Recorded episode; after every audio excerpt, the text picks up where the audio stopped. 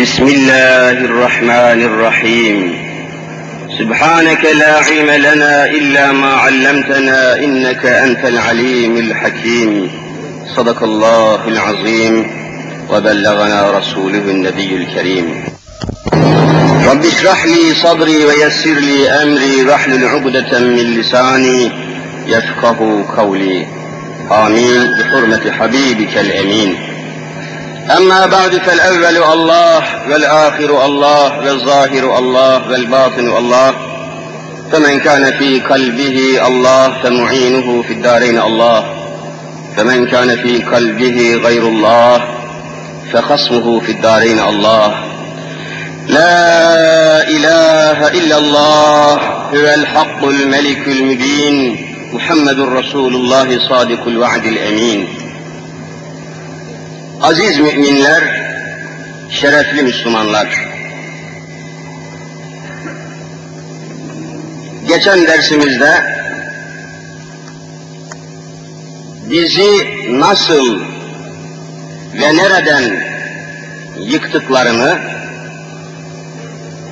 cemiyeti İslamiye'yi nereden tahribe çalıştıklarını izah sadedinde göz üzerinde durmuştuk. Göz üzerinde. Gözlerin hakikatini, gözlerin üzerindeki ilahi ahkamı bütünüyle bilmeliydik ki bizi gözümüzden avlamaya çalışan hainlere daha güçlü, daha tedbirli karşılık vermeye çalışalım. O bakımdan bu mevzuyu ve bu mevzu ile alakalı hükümleri bugün toparlayıp neticelendirmeye çalışacağım. Daha sonra inşallah bu gayretler, bu çırpınışlar, bu çalışmalar devam ettiği müddetçe İslami tebliğatın en mühim mevzu ve meseleleri huzurlarınıza inşallah arz edilecektir. Bizim gayemiz tabi zaman zaman söylüyorum, kesinlikle bilinmesi lazım olan mesele şudur ki, biz müminler, Müslümanlar olarak Allah'ı tanıtmaya, sevdirmeye memur insanlarız. Biz yeryüzünü karıştırmaya değil, yeryüzünü barıştırmaya memuruz. Biz insanları ayırmaya değil, uyarmaya memuruz. Biz insanları sövdürmeye değil, sevdirmeye memuruz. Biz insanları kırıcı olmaya değil, yapıcı ve kurucu olmaya memuruz. Bu memuriyetin şuuru altındayız. Allah'ın Resulü, fahri kainatın bütün beyanat ve tebliğatını gördüğümüz zaman bir tek noktada toplandığını görüyoruz.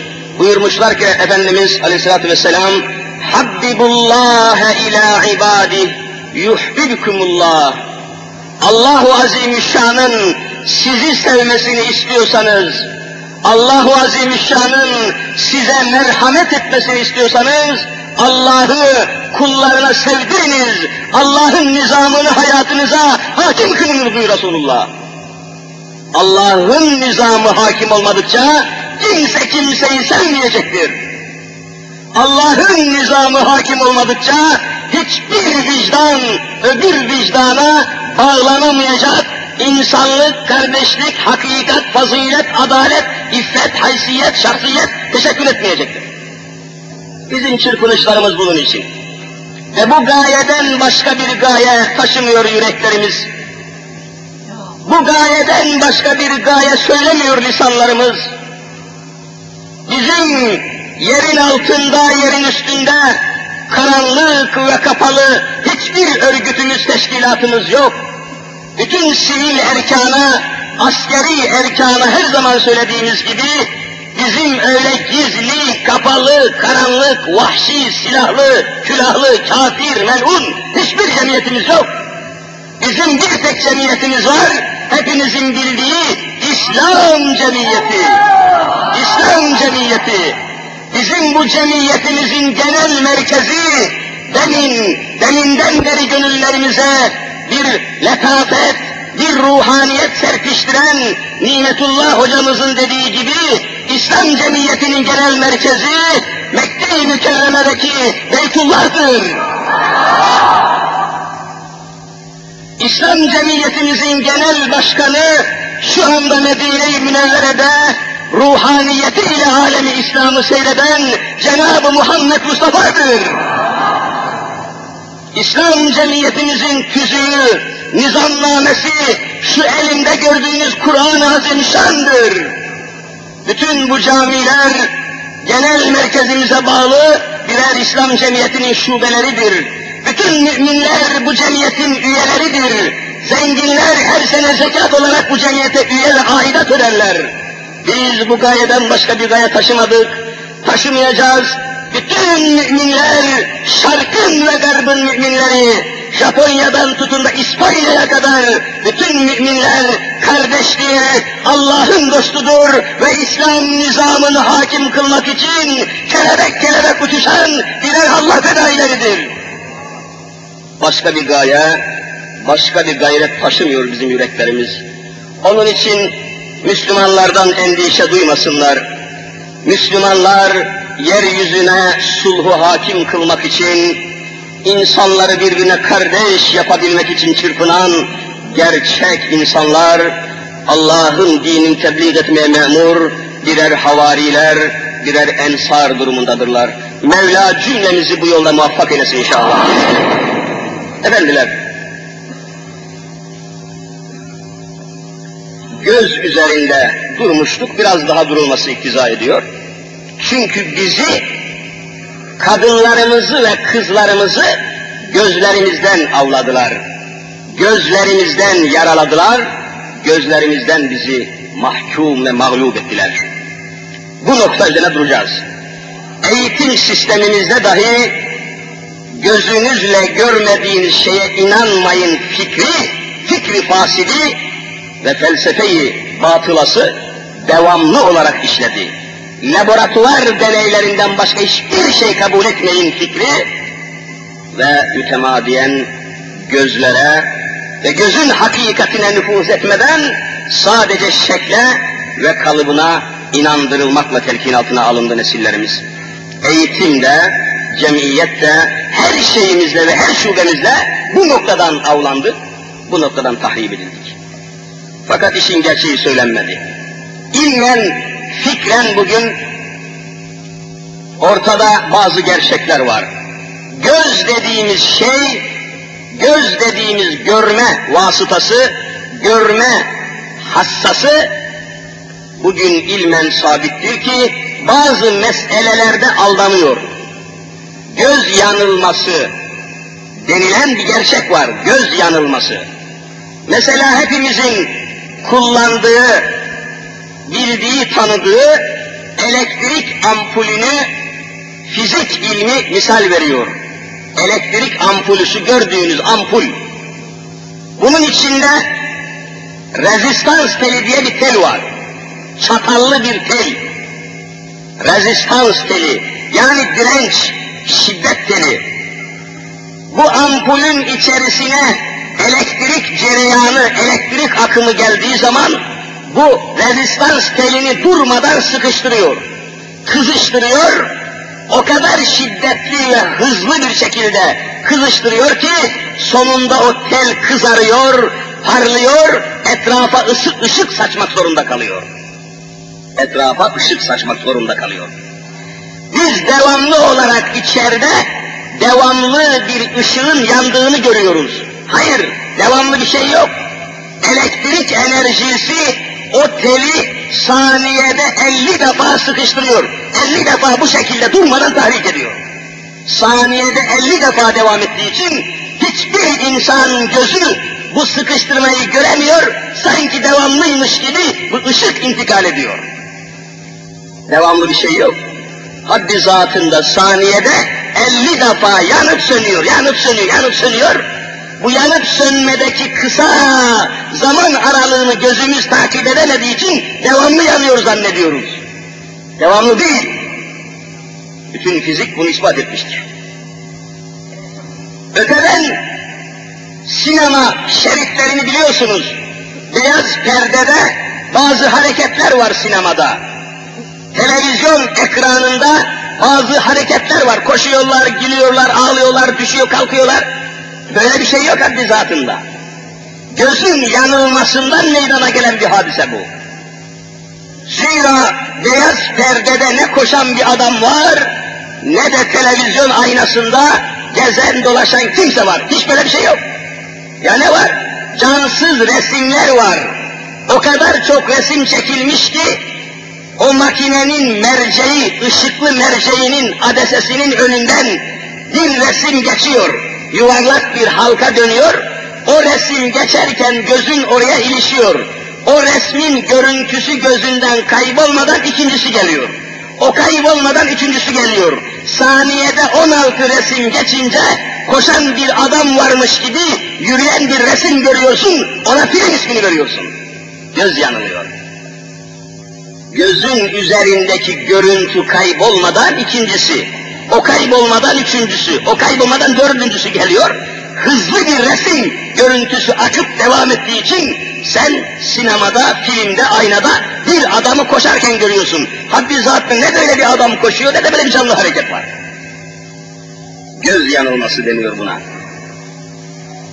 Ve bunu bizim gözümüz takip edemiyor. Devamlı kainat değişiyor.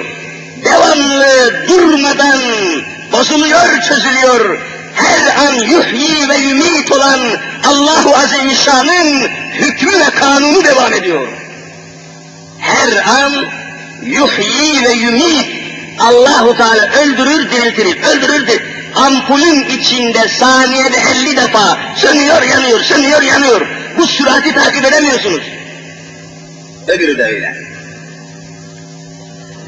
Bunu öldükten sonra dirilmeyi inkar eden bir adam geliyor Hazreti Mevlana'ya Kaddesallahu sırrahul ali Hazreti Mevlana'ya geliyor öldükten sonra dirilmeyi inkar ediyorum ben diyor. Öyle şey olamaz. Ölmüş bir adam nereden daha kalkıp dirilecek?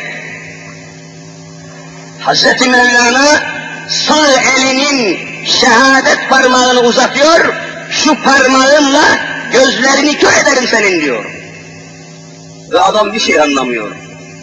Yani ilahi kudreti bu şehadet parmağınla gözüne sokarım manasına kullanıyor.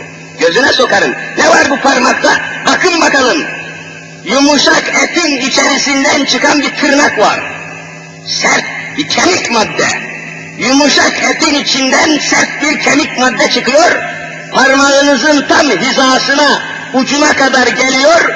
Ucuna kadar kanlı, canlı, hayatiyeti olan bir tırnak devam ediyor. Parmağınızın ucunu geçer geçmez tırnağınız ölüyor. Kestiğiniz zaman hiç acımıyor. Parmağınızın ucuna kadar canlı, parmağınızın ucunu geçti mi ölü.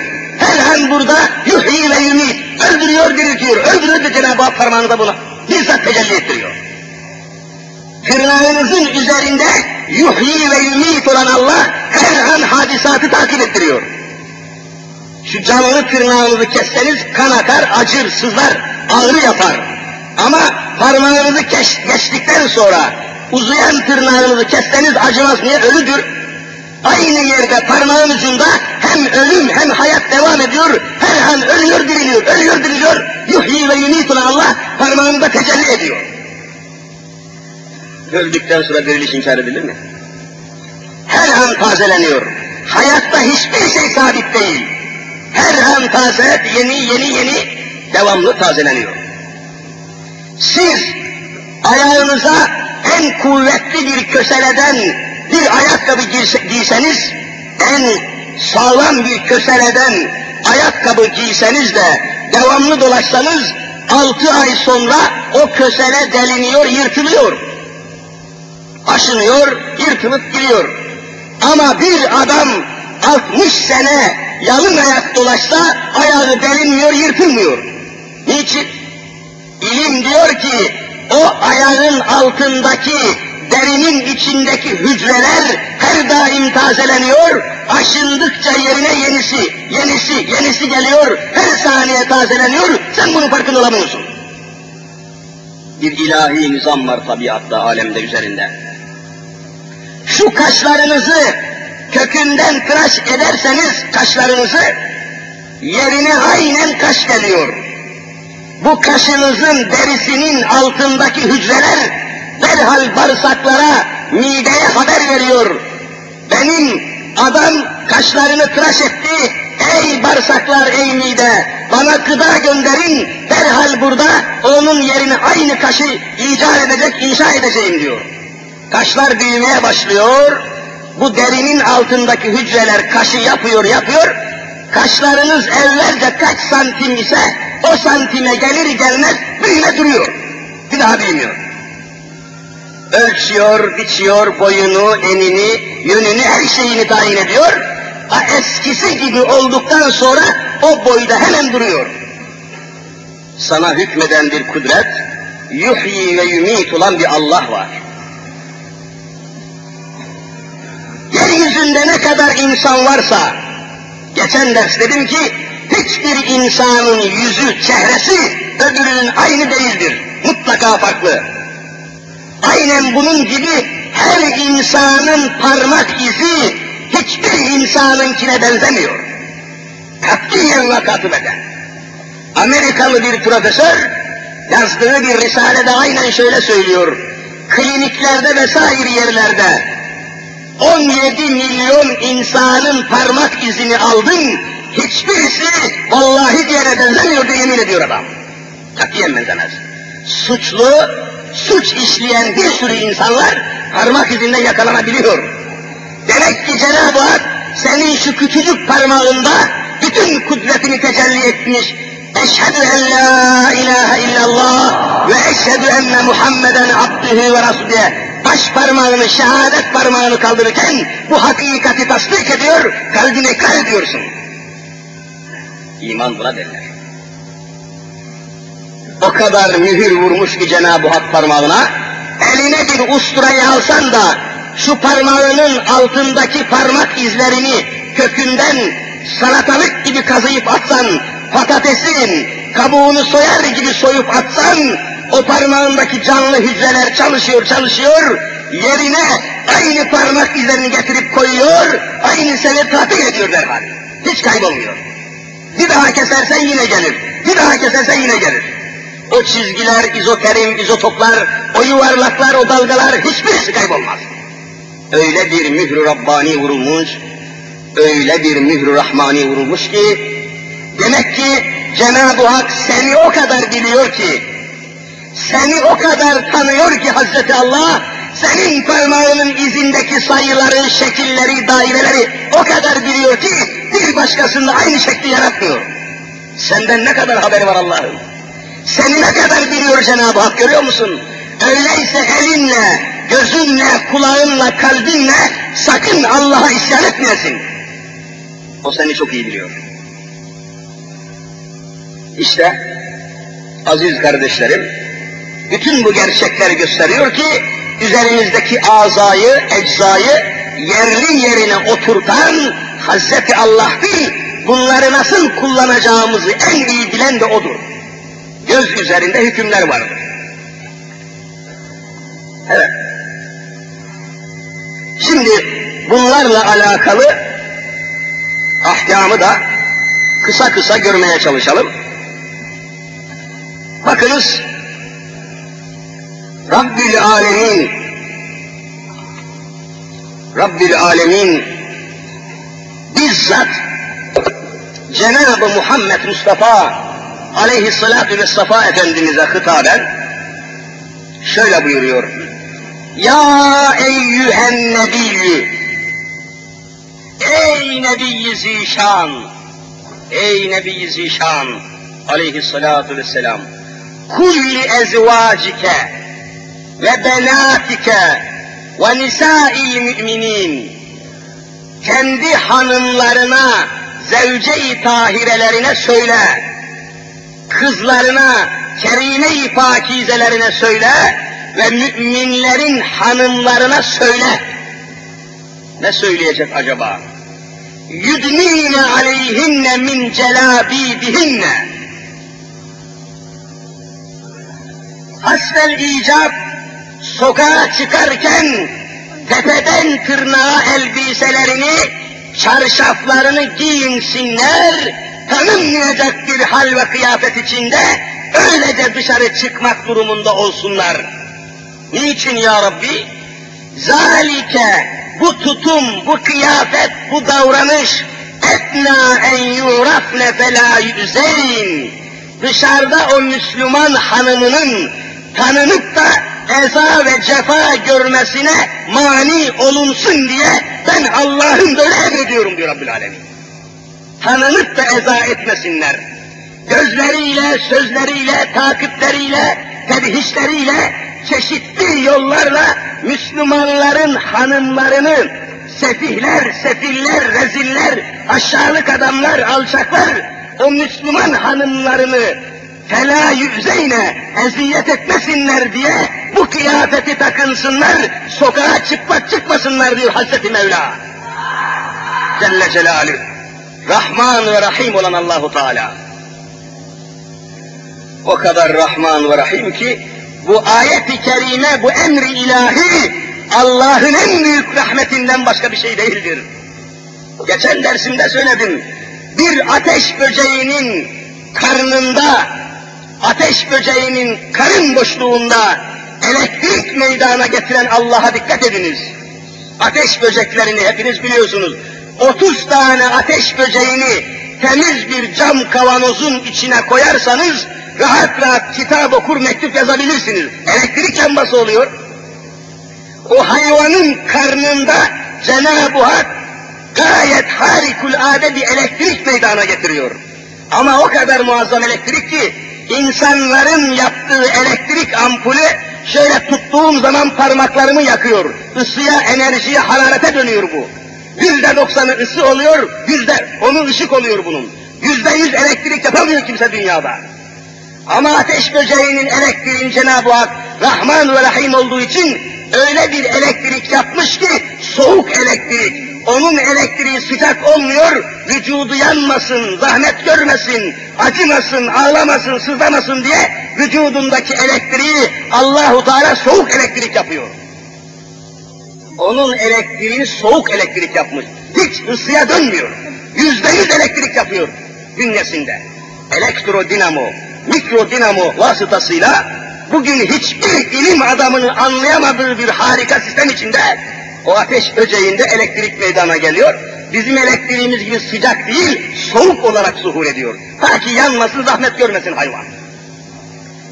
Bir ateş böceğinin elektriği ona zahmet vermesin diye onu soğuk elektriğe çeviren Allahu Teala çok sevdiği insanları ve kadınları örtünün altına alır mı zahmet çeksin diye demek ki eza görmesin, cefa görmesin, ceza görmesin diye rahmet olduğu için, rahim ve rahman olduğu için kadınlara örtünmeyi emrediyor Hazreti Allah. Rahman olduğu için emrediyor. ذَٰلِكَ اَدْنَا اَنْ يُعْرَفْنَ فَلَا يُزَيْنَ Bu kıyafetle dolaşmaları, onların eza ve cefa görmemeleri içindir diyor Hazreti Allah.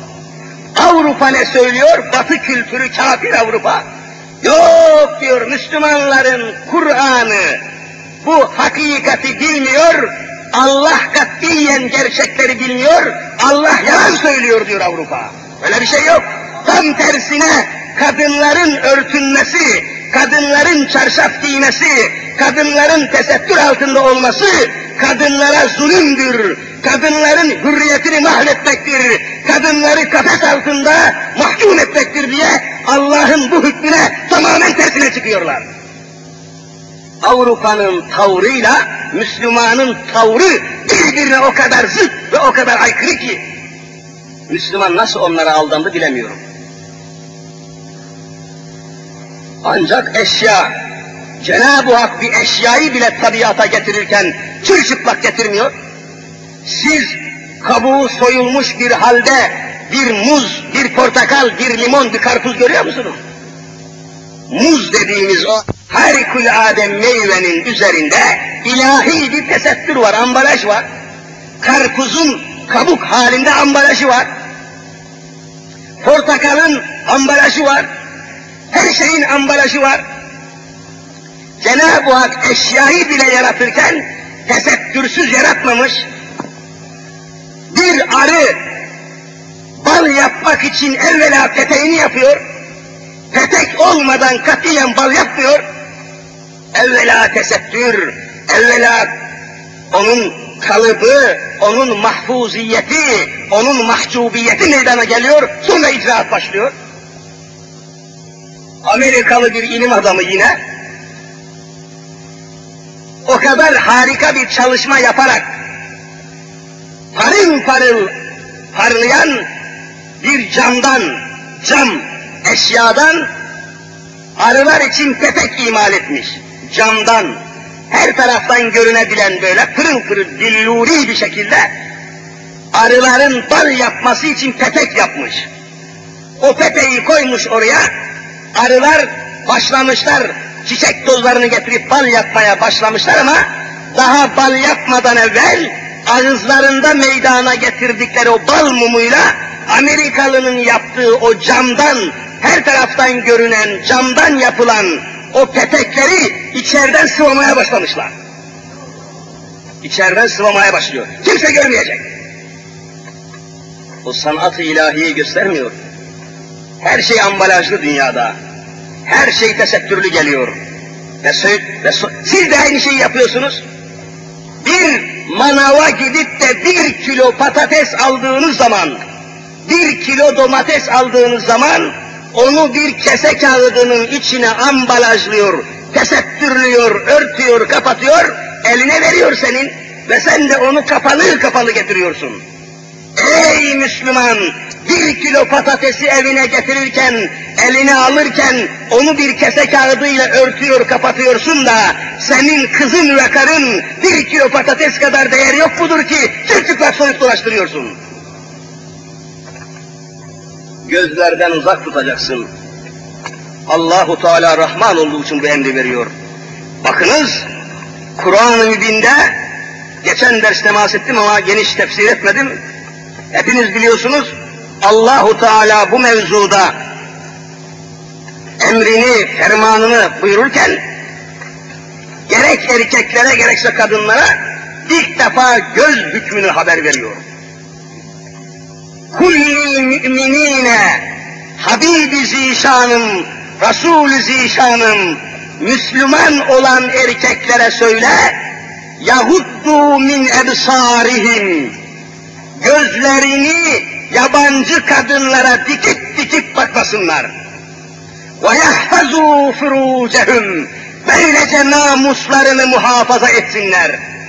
Tefsir alimlerimiz diyorlar ki, Cenab-ı Hak niçin kullil müminine dedikten sonra yahfazu furucehum demedi de evvela gözlerini kapasınlar, sonra namuslarını muhafaza etsinler diye göz hakkındaki hükmünü Cenab-ı Hak ayette niçin başa aldı? Evvela yahuddu min emsarihim diyor, sonra yahfazu furucehum diyor.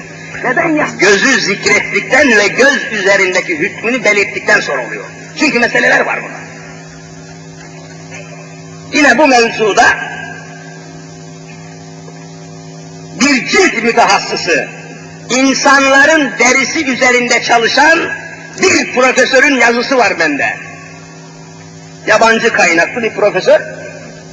Kadınların ve erkeklerin cilt hastalıkları üzerine çalışmış mühim bir mütehassıs. Emraz-ı cildiye cilt hastalıkları profesörü. O adam geniş araştırma yaptıktan sonra Amerika'da cilt hastalıkları üzerine doktorluk yapmış, Avrupa'da yapmış, Asya'da yapmış, Afrika'da her tarafta gezmiş. Her tarafta cilt hastalıkları üzerinde doktorluk yapmış. En sonunda diyor ki cilt hastalıkları dikkatini çok mühim bir şey çekti diyor. Çok mühim bir şey çekti. Beslenme standardı yüksek olan Amerikalı kadınların Avrupalı kadınların o vitaminleri, kalorileri, ka- gıda alma imkanları, zenginlikleri çok bunların. Her istediklerini yiyebiliyorlar. Proteinli, her türlü gıda, vitaminli maddeleri yedikleri halde Amerikalı kadınlarla Avrupalı kadınlar 35 yaşına, 40 yaşına girer girmez birdenbire çöküyor, bakılamayacak kadar pörsüyor, buruşuyor, kırışıyor. O kırışıklığı gidermek için durmadan bir arabanın kaportası gibi durmadan cila çekiyor, pudra çekiyor. Bu mümkün değil, bunu beden yapıyor bunu. Organizma yapıyor bunu. Biraz terleyince, biraz yüzünü yıkayınca o pudralar, boya, boyalar kayboluyor, yerindeki çukurlar, kırışlar yerinden ortaya çıkıyor. Bir daha pudra çekmeye başlıyor. Bu ne işkence, bu ne eziyet Allah'ım, bu ne ceza Allah'ım. Kadınlara Avrupa açıklar açığa vallahi ceza veriyor. Aynanın karşısına geçip de saatlerce yüzünü makyaj masasında boyayan kadın Allah'ın azabına uğramış zavallı bir yaratık olarak görünüyor.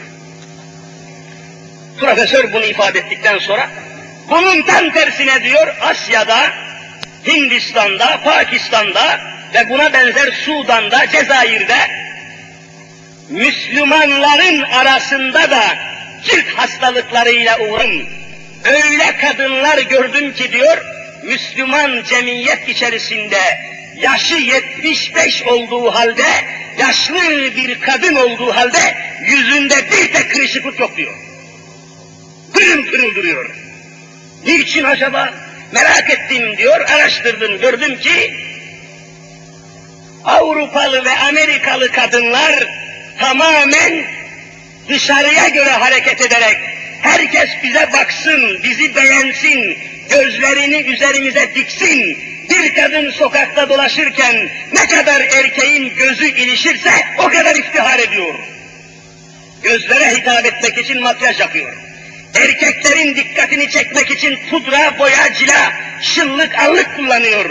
Erkeklerin dikkatini çekmek için pedikür, menikür yapıyor. Tırnaklarını cilalıyor, dudaklarını boyalıyor, saçlarını kuaförle şekillendiriyor, kaşlarını yontuyor, her şekli veriyor, vücuduna şeffaf elbise giyiyor, rengini ona göre seçiyor, dekorunu, her şeyini ona göre seçiyor. Bana erkekler baksın diye köpekler gibi sürünüyor sokaklarda diyor. Yeter ki baksın. E bakarken tabii bugün ilim tespit etmiştir ki diyor, her erkeğin gözünden bir takım şualar fırlıyor. Şua. Gözümüzün içinden dışarıya bir takım ışınlar, şualar çıkıyor. Alfa, beta, gama şuaları gibi insanların gözleriyle göremediği bir takım şualar çıkıyor. Nitekim gece bir yere giderken yahut gündüz gözünüz açıkken bir sinek gelip gözünüze bakıyor. Sinek. Küçük böyle sinekler insanın gözüne düşüyor. İnsanın gözüne bu sineklerin girmesinin sebebi diyor, insanın gözünden çıkan ışığın o aydınlığına çarpıyor sinek, oradan kurtulamayıp gelip gözümüze giriyor diyor. Gözden bir şua çıkıyor. Tıpkı ne gibi geceleyin yolda giderken asfaltın üzerinde arabanızın farlarına, arabanızın ışığına bir tavşanın gözü iliştiği zaman gözleri kamaşıyor, o tavşan gelip arabanın altında kalıyor. Işık çarpıyor onu. Tıpkı bunun gibi insanın gözünden öyle şualar çıkıyor ki sinekler kurtulamıyor gelip insanın gözüne giriyor diyor.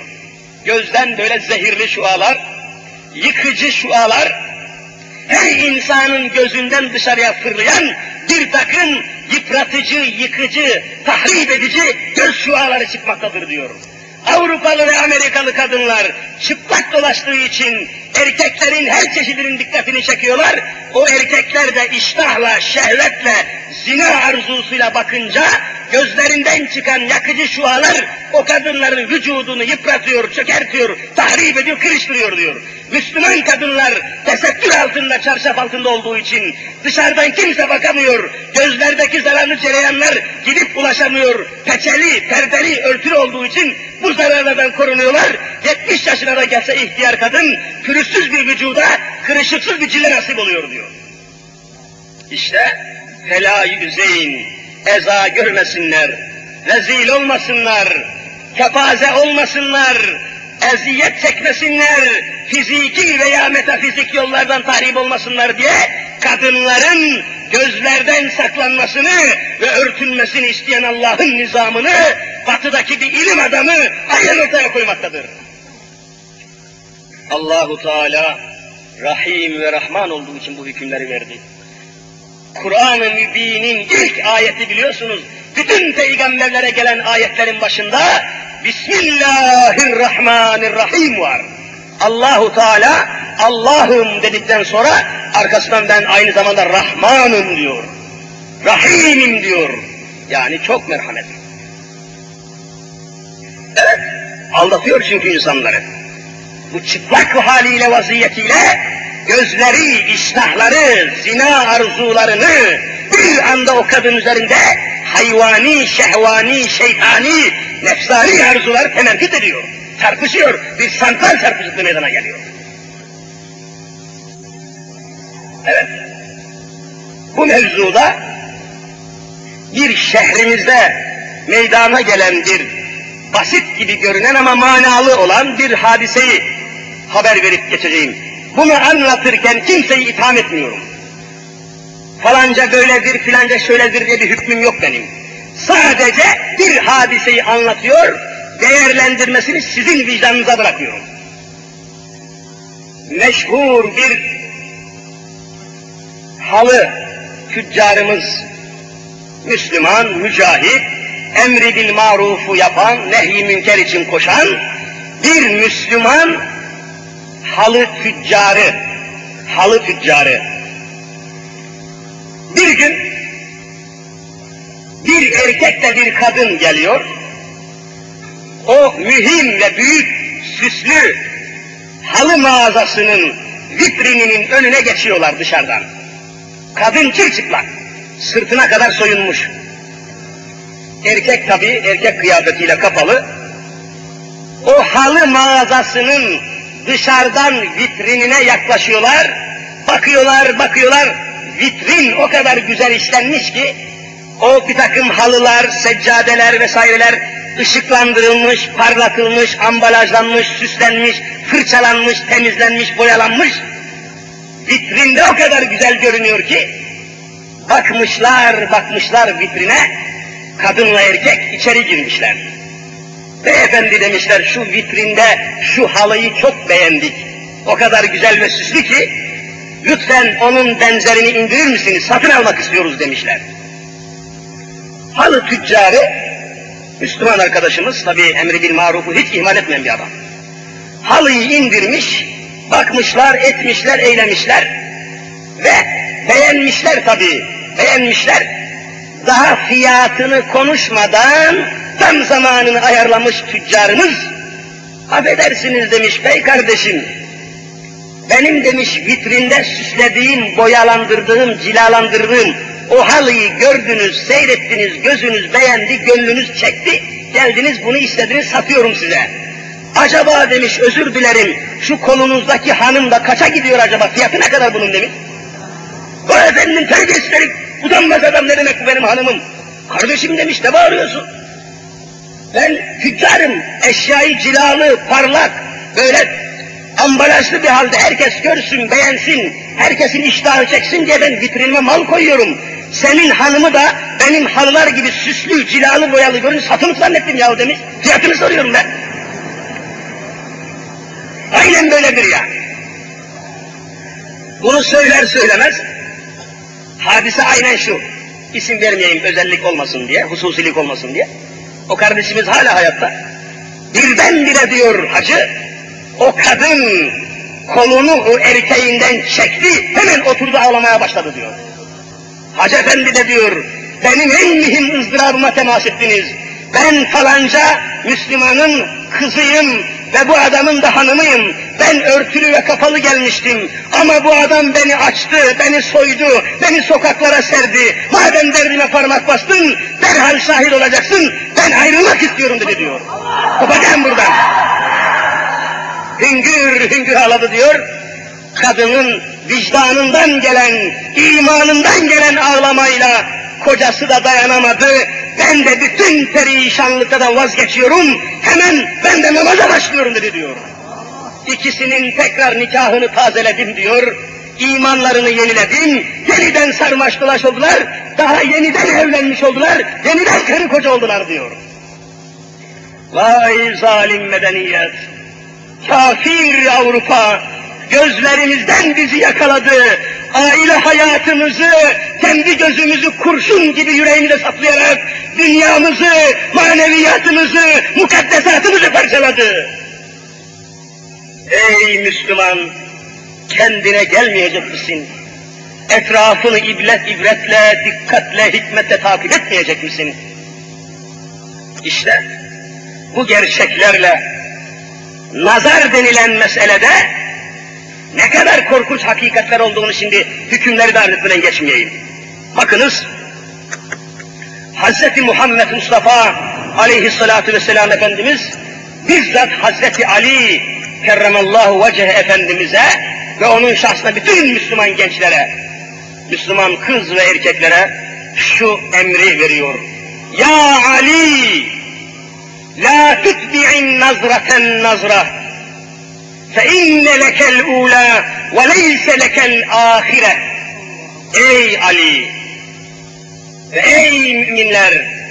Dışarıda birdenbire yabancı bir kadın, anneniz değil, bacınız değil, halanız değil, teyzeniz değil, yabancı bir kadın, gözünüze ilişir ilişmez, hemen arkasından gözünü çek, ikinci defa sakın bakmayasın.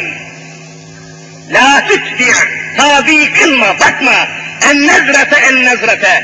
Birinci bakışın peşinden ikinci defa bakmayasın. Fe inne lekel ula. Haberin olmadan bu birinci bakış senindir. Ve leyse lekel ahire. İkinci defa dönüp bakman şeytandan ve şehvettendir, felakettir, cehenneme odun olacaksın buyuruyor. Gözlere hakimiyet emrediyor. Niçin? Neden bunu istiyor? فَاِنَّ لَكَ الْعُولَى Bu ansızın gözüne ilişen nazar senin, ikinci defa iradeyle, ihtiyarla dönüp baktığın zaman o nazar senin değil diyor. Niye? Ne oluyor acaba? İşte Mevlana burada ortaya çıkıyor diyor ki,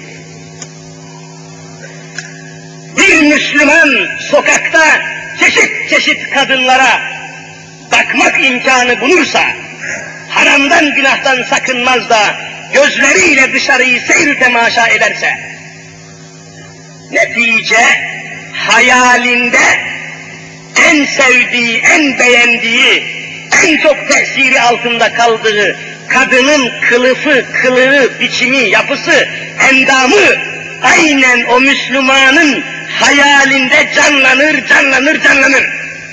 Kaldı orada.